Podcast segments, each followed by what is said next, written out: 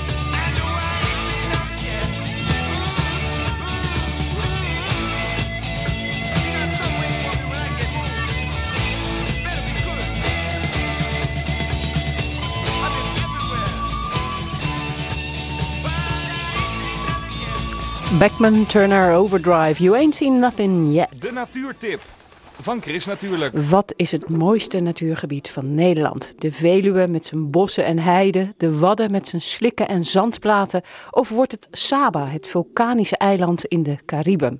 Nog tot en met maandag kan iedereen zijn stem uitbrengen op het mooiste, meest unieke en bijzondere natuurgebied van Nederland. En Chris natuurlijk, die kijkt bij twee kanshebbers in het centergebied van Radio Rijnmond. En uh, ga je mee, zou ik zeggen. We zijn op verboden gebied, Ted. Ja, nou een klein stukje dan. Hè. We zijn net van de dijk af naar beneden gelopen. Kijken uit over het Haringvliet. In de verte zien we de Haringvlietsluizen. En we staan op het Kwakgors. Misschien moet ik eigenlijk eventjes beginnen bij het begin. Wat kies jij, Ted Sluiter, boswachter van Natuurmonumenten, als favoriete natuurgebied? Ja, dat is uiteraard NL Delta, Biesbos Haringvliet. Eigenlijk is het niet zo bekend als bijvoorbeeld de Wadden of zo, of de Veluwe. Ik had er eigenlijk nog nooit van gehoord.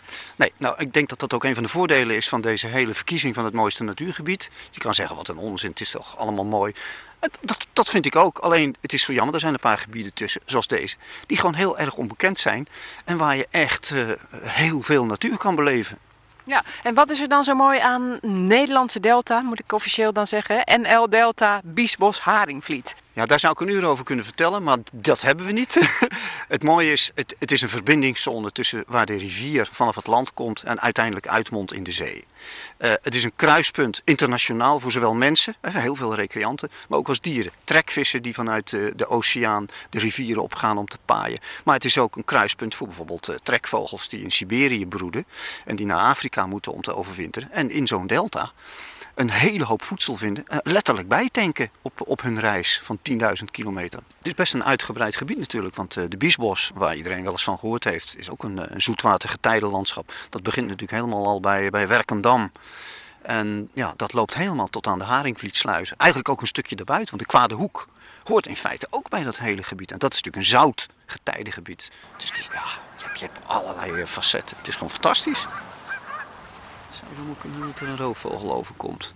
Ja hoor, dan komt een slechtvalk over het water aan. Als je ineens een hele groep vogels ziet opvliegen, heeft dat vaak te maken met het feit dat er een, een roofvogel aankomt. En deze schrokken van een slechtvalk. Een hele grote valk die voornamelijk vogels eet tot, uh, nou, tot bijna ganzen toe. Het is echt een geweldenaar.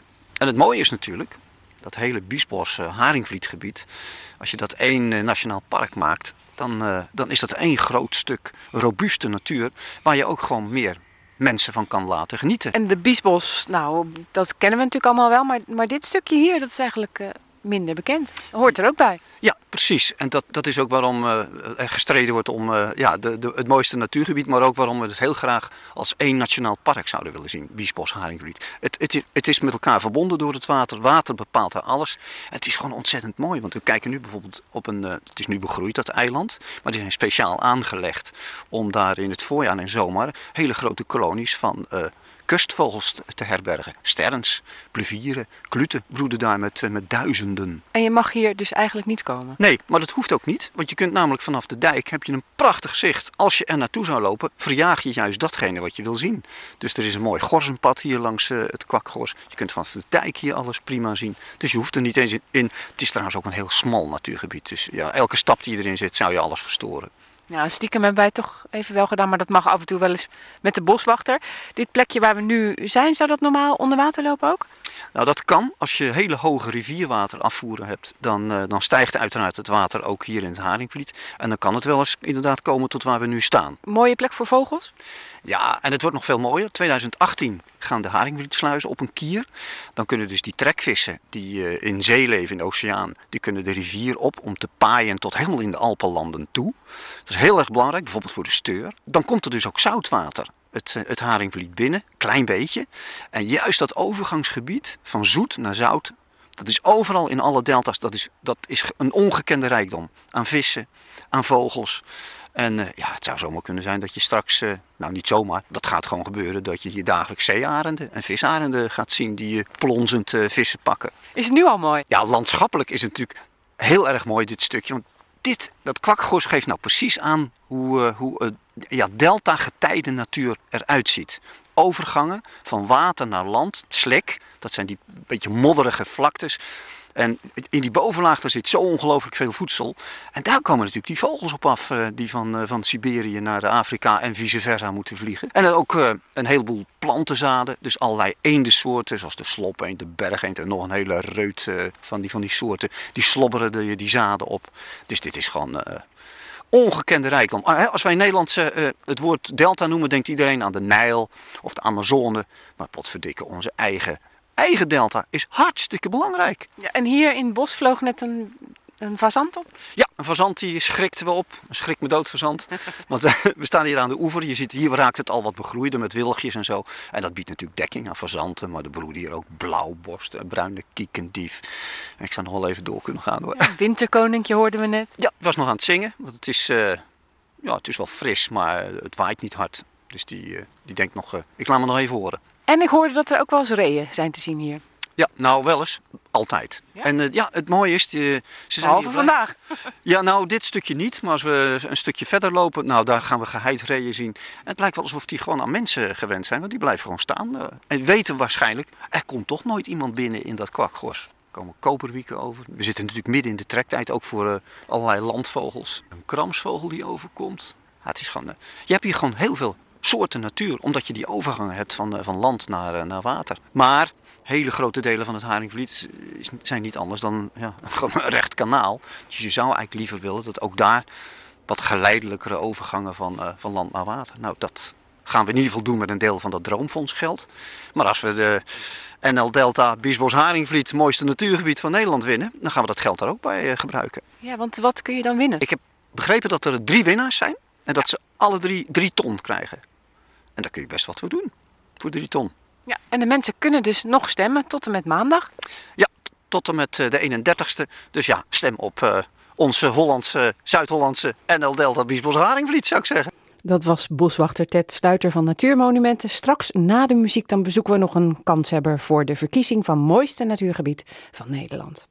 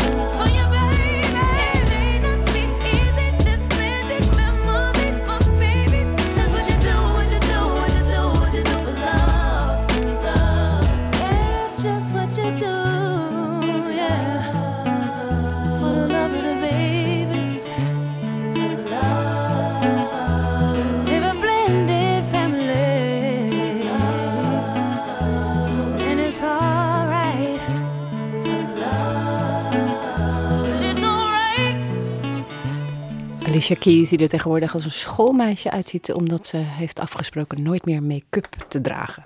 Bossen, duinen of strand. Nederlanders zijn gek op natuur. Maar wat is het mooiste natuurgebied van ons land? 13 natuurgebieden die doen mee aan deze wedstrijd van het ministerie van Economische Zaken. Nog tot en met maandag mag iedereen zijn stem uitbrengen. Het mooiste park, volgens Arjan van den Heuvel van het Zuid-Hollands Landschap, ligt natuurlijk in Zuid-Holland en heet Nationaal Park Hollandse Duinen. Ja, Nationaal Park Hollandse Duinen is, uh, is een, een, prachtige plek waar uh, als ik denk aan, uh, aan Nederland, dan denk ik aan klompen, aan molens, aan tulpen. En ik denk aan de Nederlandse kust met prachtige bossen, met schitterende duinen, mooie strandgebieden, statige landgoederen. Het is een plek waar je heerlijk kan wandelen, kan fietsen, waar je kan paardrijden. En waar je echt urenlang kan struinen door de duinen zonder mensen tegen te komen. Of juist de drukte van het strand of van een strandtentje op kan zoeken. Nationaal Park Hollandse Duinen is voor mij echt grenzeloos genieten. Maar wacht even, dat, dat begint dus in Hoek van Holland en we zijn nu bij de Zeetoren. We kunnen eventjes hier naar boven gaan om te kijken hoe mooi dat gebied is. Ja, laten we naar boven gaan, de trap op en genieten van het uitzicht.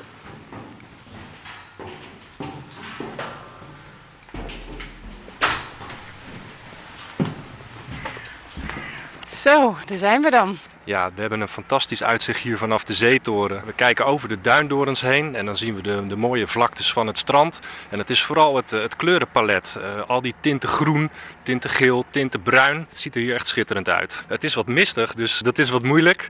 Uh, maar dan zien we aan de andere kant van de Nieuwe Waterweg... Zien we de havens onder andere van de Maasvlakte en de Europoort. En de Van Dixhoorn driehoek waar we hier op uitkijken... is aangelegd in de jaren 70 met het zand wat vrij kwam bij de aanleg van die havens. De Hollandse Duinen. Nou, op zich, officieel bestaat dat nog helemaal niet, hè? Het is een idee voor een nationaal park. En in de komende drie jaar willen wij met verschillende partijen dat nationaal park ook daadwerkelijk op gaan richten. En kunnen we nou heel het gebied afzien wat straks dat park moet worden? Nou, we kunnen nu alleen de Van Dixhoorn driehoek uh, richting Den Haag uh, uitzien. Uh, en dat nieuwe Nationaal Park dat loopt helemaal tot aan de provinciegrens met Noord-Holland. dus het hele Nationaal Park kunnen we niet zien. maar een, een, groot stuk hier in de Rotterdam tot aan Den Haag zeker wel, ja. Zullen we naar beneden gaan en dan in de duinen verder praten? Heel graag.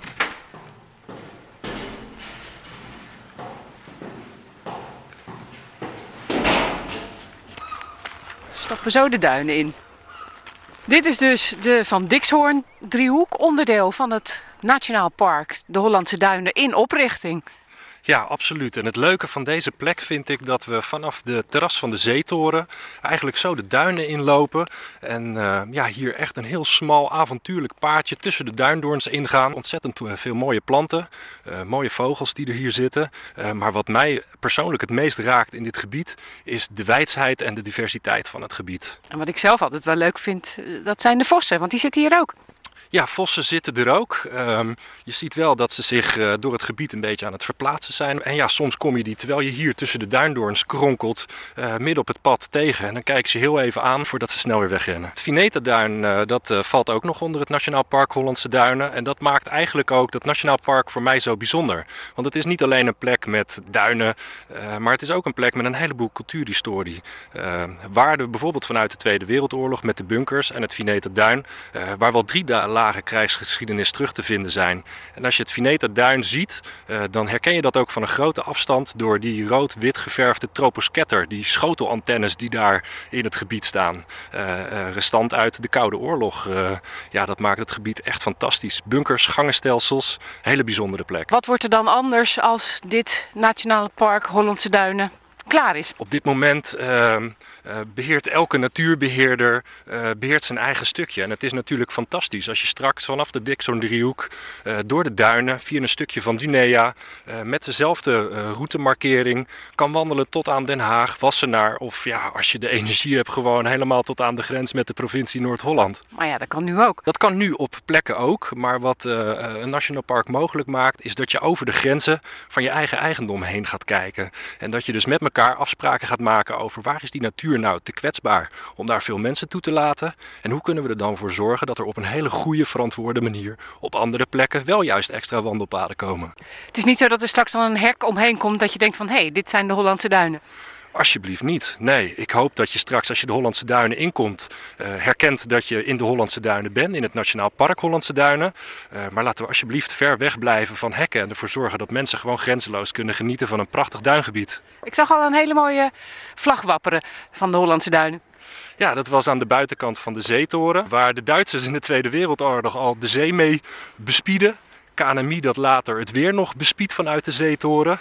Ja, en nu misschien al als toekomstige groene poort van het Nationaal Park. Zo, nou, nu zijn we bijna bij het strand. We zien de zee. En dat vind ik het mooie aan, uh, aan de Van Dixhoorn driehoek. Je loopt eigenlijk uh, tussen de duindoorns door, heel besloten.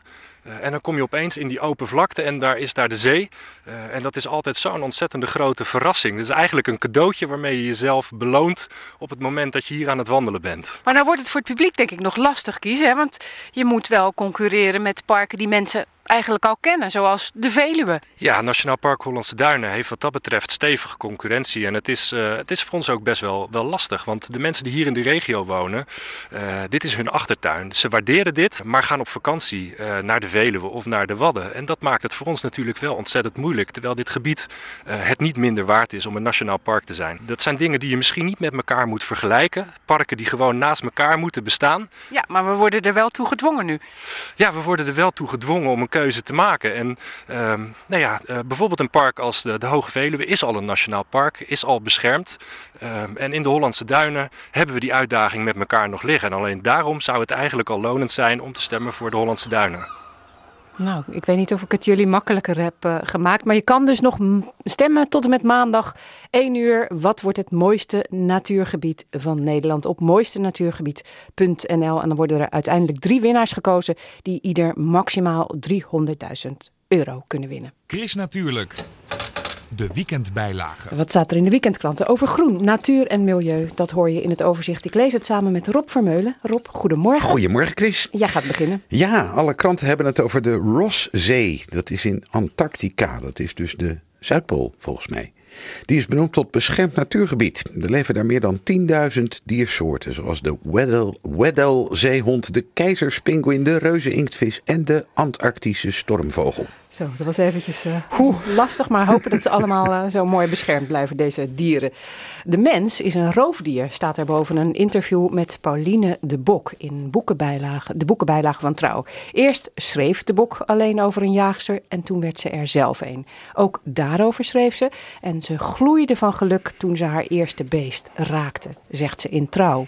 Het AD Rotterdams Dagblad schrijft over studenten van de afdeling mode van de Willem de Koning Academie in Rotterdam. Ze helpen de stad af van leren bankstellen waar ze hippe kleding van maken. De banken die bij het oud vuil worden gezet zijn namelijk een probleem voor de stad. Bij het verbranden van leer zijn zulke hoge temperaturen nodig dat er veel CO2 wordt uitgestoten. En dat is slecht voor het milieu.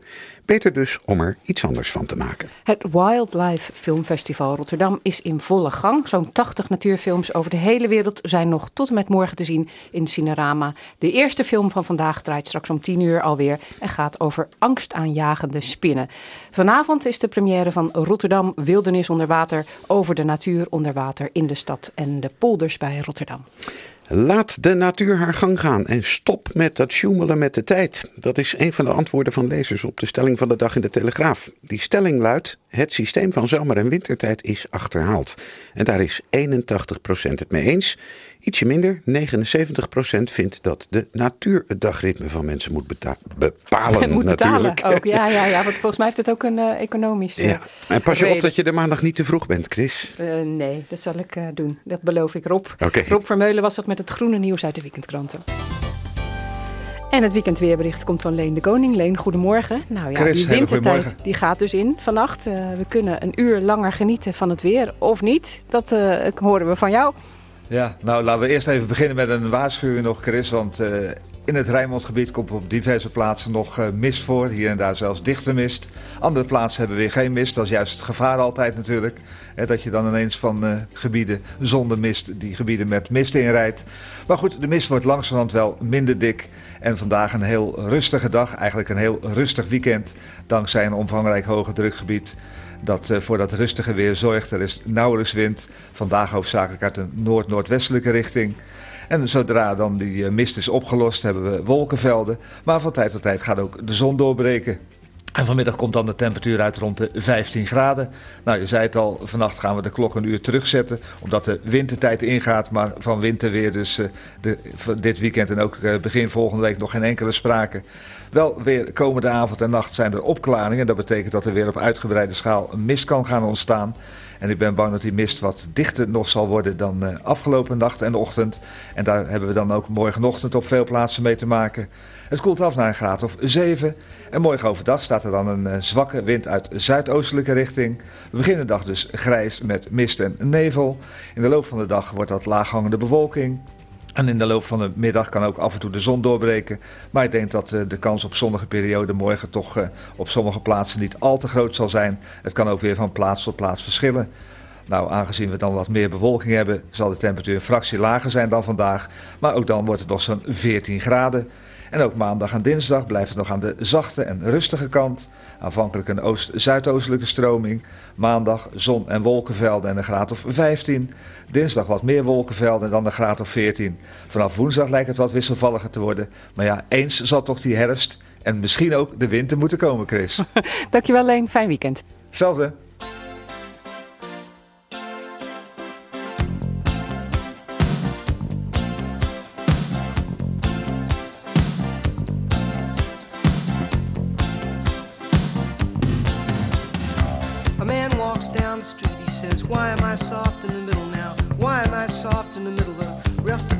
Life is so hard. I need a photo opportunity. I want a shot of redemption. Don't want to end up a cartoon in a cartoon graveyard. Bone digger, bone digger, dogs in the moonlight. Far away, my well lit door. Mr. Beer Melly, Beer Melly, get these mutts away from me, you know. I don't find this stuff amusing anymore.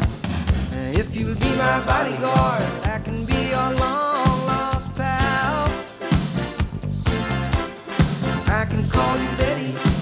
and when you call me, you can call me out. A man walks down the street, he says, Why am I short of attention? Got a short little span of attention, and oh, my nights are so long. Where's my wife and family? What if I die here? Who'll be my role model now that my role model is gone, gone? He ducked back down the alley with some uh, roly-poly little bat-faced girl. All were incidents and accidents. There were hints and allegations. If you'll be my bodyguard, I can be your long-lost pal. I can call you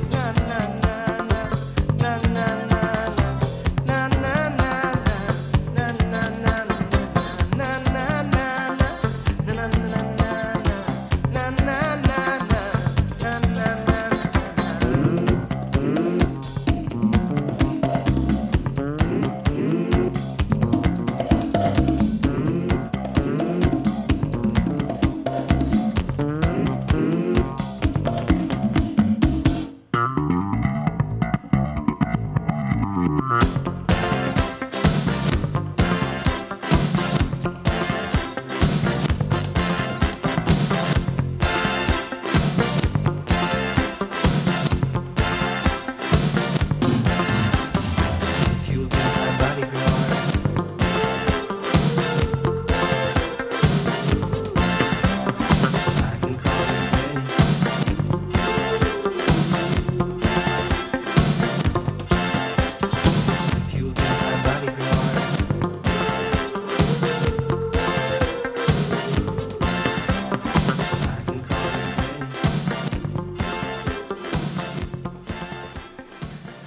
Simon, You Can Call Me Al. Dit weekend mogen we een uurtje langer slapen of iets anders doen met de extra tijd die we hebben, omdat de klok een uur wordt teruggedraaid voor de wintertijd. Het laatste weekend van oktober is ook traditioneel het weekend van de Nacht van de Nacht. Je kunt bijvoorbeeld varen over een duistere rivier, uilen luisteren in het bos of picknicken in het donker. Wat gaat columniste Jet Mauro doen? Ik ga een blokje rondlopen en ik ga naar het diepste punt van Rotterdam. Loop je mee? Ja.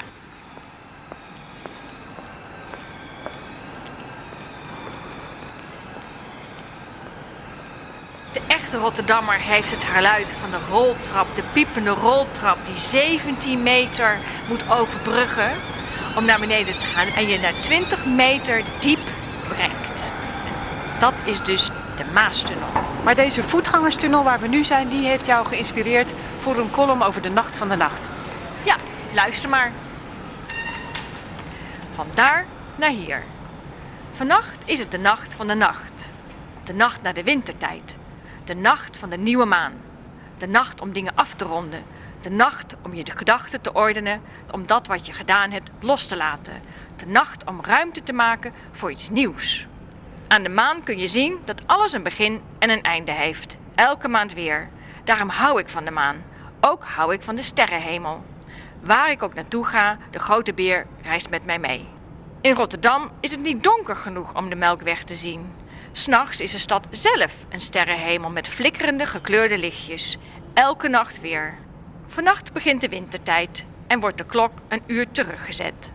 Dat betekent dat je een extra uur hebt om te wennen aan de nieuwe tijd. En omdat het vannacht nieuwe maan is, is het ook de nacht van het loslaten. Ik ben op zoek naar iets nieuws. Ik weet nog niet welke kant ik op wil. En besluit een blokje rond te lopen. Door het park bij de Euromast naar de parkhaven. En via de parklaan weer terug naar huis. Bij het ventilatiegebouw van de Maastunnel blijf ik staan. Aan de overkant staat precies hetzelfde gebouw. Als een tweeling staan ze aan de kade, gescheiden door de Maas en verbonden door de tunnel. Op de gevel brandt een neonverlichting. Hier staat er. Ik draai me om en kijk omhoog. Daar lees ik. Aha, denk ik. Als ik hier wil zijn, moet ik naar de overkant. Ik pak de roltrap naar beneden en loop van daar naar hier. In het midden van de Maastunnel blijf ik staan. Ik zie waar ik vandaan gekomen ben en ik zie waar ik naartoe wil. Vannacht is de nacht van de nacht. Dat is ook de nacht dat je een uur langer kunt slapen en kunt dromen van de dingen die je graag doet. En dat was Jet Mauro, bekend van het literaire kindertijdschrift Boekie Boekie. Tegenwoordig schrijft ze ook columns bij de foto's die ze maakt in Rotterdam. Te zien en te lezen op haar blog. En ook deze column en de bijbehorende foto is uh, daarop te zien. Op chrisnatuurlijk.nl vind je ook een linkje naar die blog.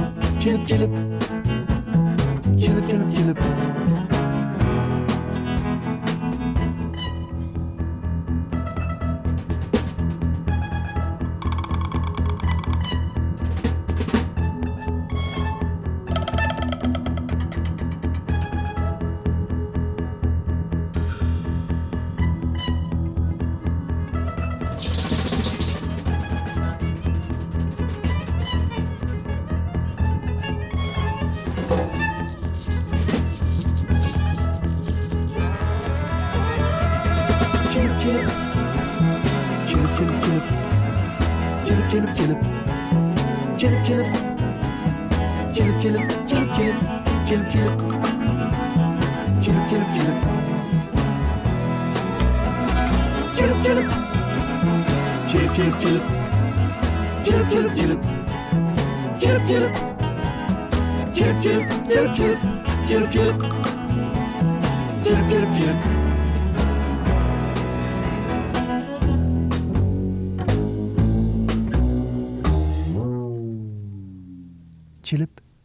En dat was Tom America en de mus. Chris natuurlijk.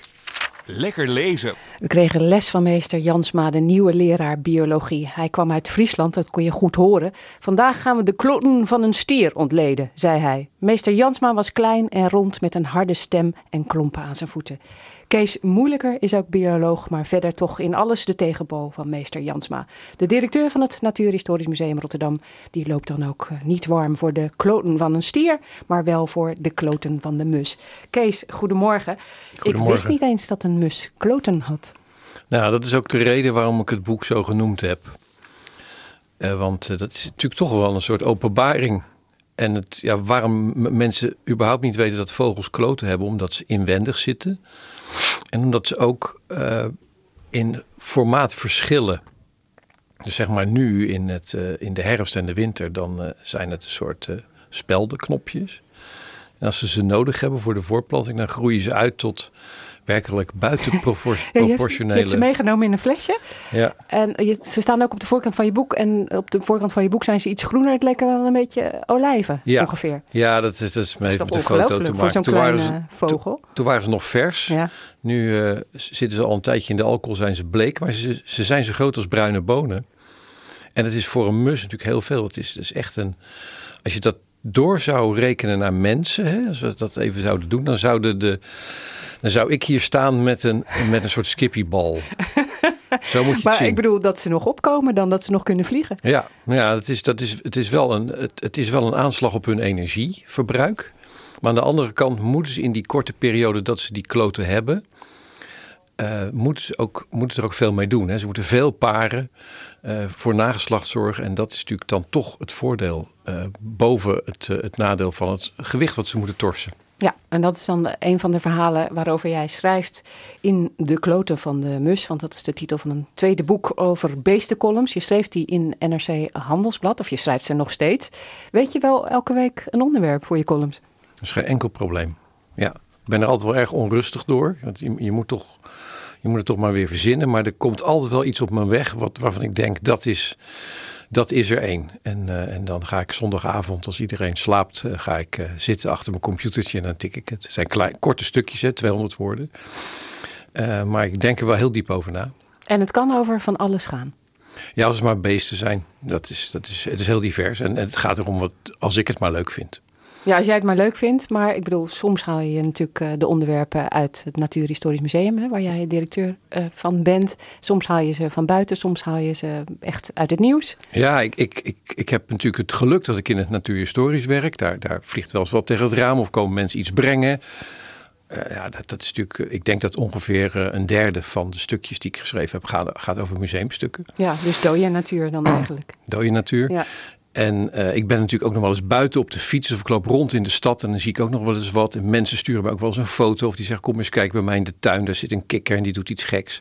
Ja, en zo kom ik aan mijn onderwerpen. Ja, en wanneer moet je weer je volgende schrijven? Eh, die, daar moet ik nu deze week over gaan denken en dan moet die volgende ja, want, week... want ik zei één Om de- week. om de week, ja, om de week, om Ja. de week, ja. Ja, Ja. dus dat, dat weet je nog niet. Dat weet ik nog niet, nee, Eh, de vorige bijvoorbeeld, hè, die, die ging, je vorige verhalen en je vorige boeken, die gingen bijvoorbeeld over de schaamluis eh, die dreigt te verdwijnen. En ook dit keer laat de schaamluis je niet los. Nee, nee dat, ik heb ehm, de gewoonte om als ik ergens in de wereld ben, dat ik dan in het Natuurhistorisch Museum ter plaatse ga vragen. Klop ik gewoon aan of bel ik op of ik stuur een mailtje. Hebben jullie schaamluizen? En dan, hoe reageren mensen? Nou ja, dan moet je, eh, de- degene die dan de telefoon opneemt of de deur open doet, die zegt, die doet dan meestal de deur niet, dicht of dan eh, gooien ze hem er weer op. Ja. Maar als ik, dan, als ik dan uitleg, dan op een gegeven moment, nou, er moet nog een oude conservator zijn, die weet dat misschien wel. En dan komt er iemand in een krom eh, met een stofjas aan en die zegt, nou, ik heb nog een potje en dit of dat. En dan, ja, dan vind je soms juweeltjes. En zo heb ik in, in, in eh, New York, in het museum, heb ik bijvoorbeeld helemaal niets gevonden. Ja, want Dus- daar verbaas je je Ja. ook over in het boek. Maar waarom zou een museum een schaamluis bewaren? Ja, nou ja, ze hebben daar zo'n beetje alles wat de natuur heeft voortgebracht, hebben ze daar op sterk water of opgezet of fossiel. En dan vraag je van, hebben jullie schaamluizen? Nee, nee, niet. Nou, dat is natuurlijk heel raar. Terwijl er natuurlijk miljarden beesten op sterk water staan, of miljoenen. En toen heb ik een paar Rotterdamse eh schaamluizen die ik hier had gekregen, heb ik gedoneerd, heel officieel. Dat is heel leuk geweest. Maar aan de andere kant heb ik in Washington, in het, in het, in het Smithsonian Museum, vond ik eh, eh, schaamluizen die op honden gevonden zijn. Dat is heel bijzonder. Dat is echt een noviteit. Dat, dat, dat wist niet, ik wist niet eens dat het kon. Het zijn natuurlijk diertjes, insecten die op mensen leven, parasitair op mensen. Ja, en dan ineens een, een potje met een schaamluis vinden waar, waarop staat, ja, gevonden ergens diep in Afrika in de oksel van een hond. Ja, daar gaat mijn hart sneller van kloppen en daar schrijf ik dan een column over. Ja, en, maar jij zegt dus ook van die schaamluis die dreigt te verdwijnen. Omdat eh, ja, steeds mensen zich eh, scheren. En dan eh, ja, heeft Ja. die schaamluis nergens meer om te gaan zitten. Ja, daar dan in de oksel van de hond misschien. Ja, maar dit was uit 1920 en Oh. toen, toen was er overal nog schaamhaar te vinden. Ja, en is een hele rare vraag misschien, maar is een schaamluis dan heel anders dan een hoofdluis? Maar ja, die is heel anders. Die is, die is qua bouw, qua anatomie heel anders.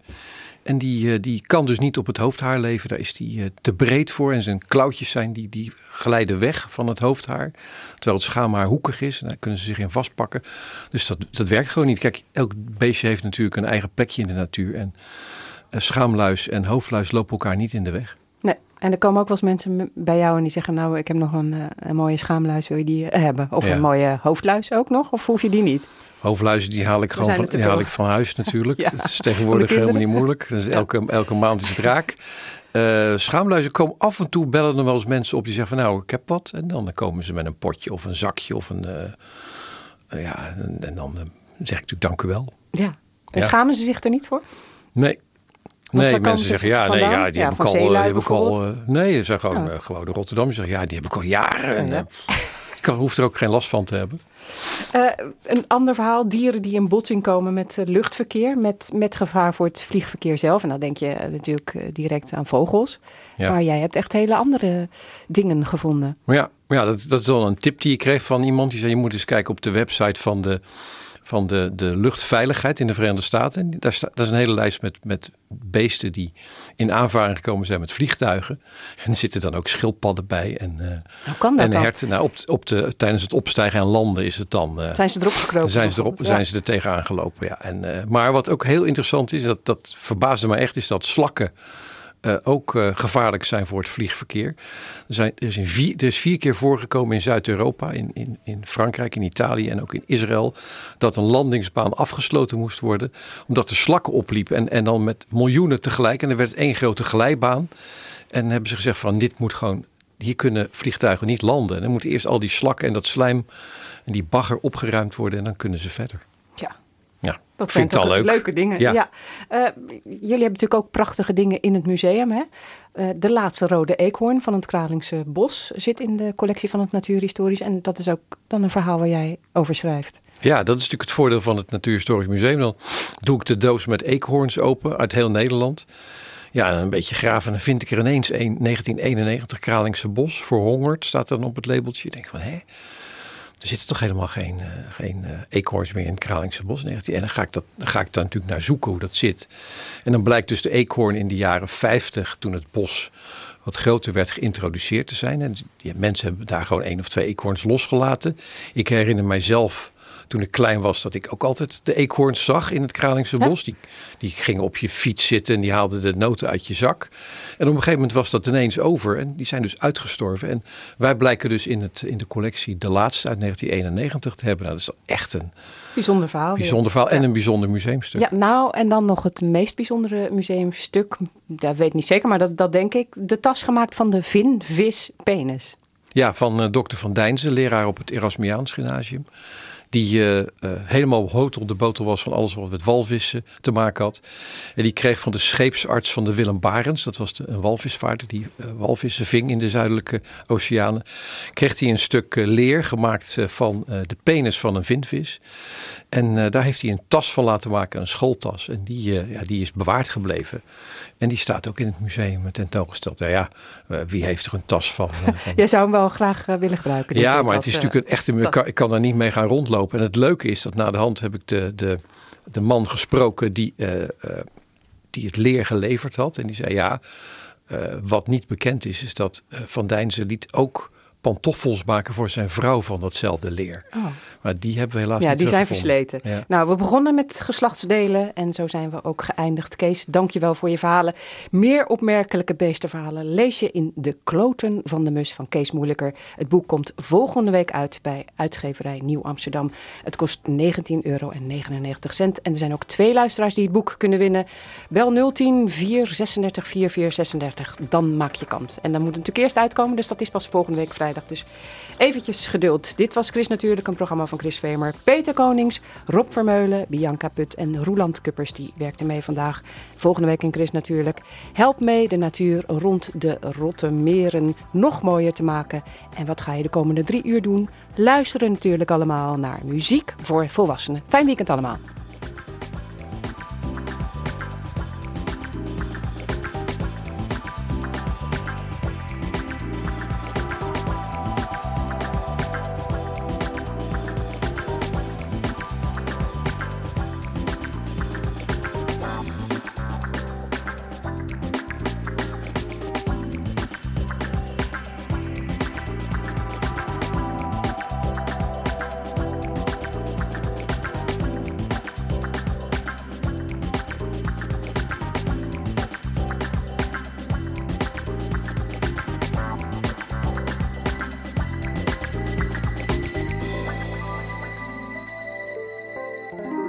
Natuurlijk. Kijk ook op chrisnatuurlijk.nl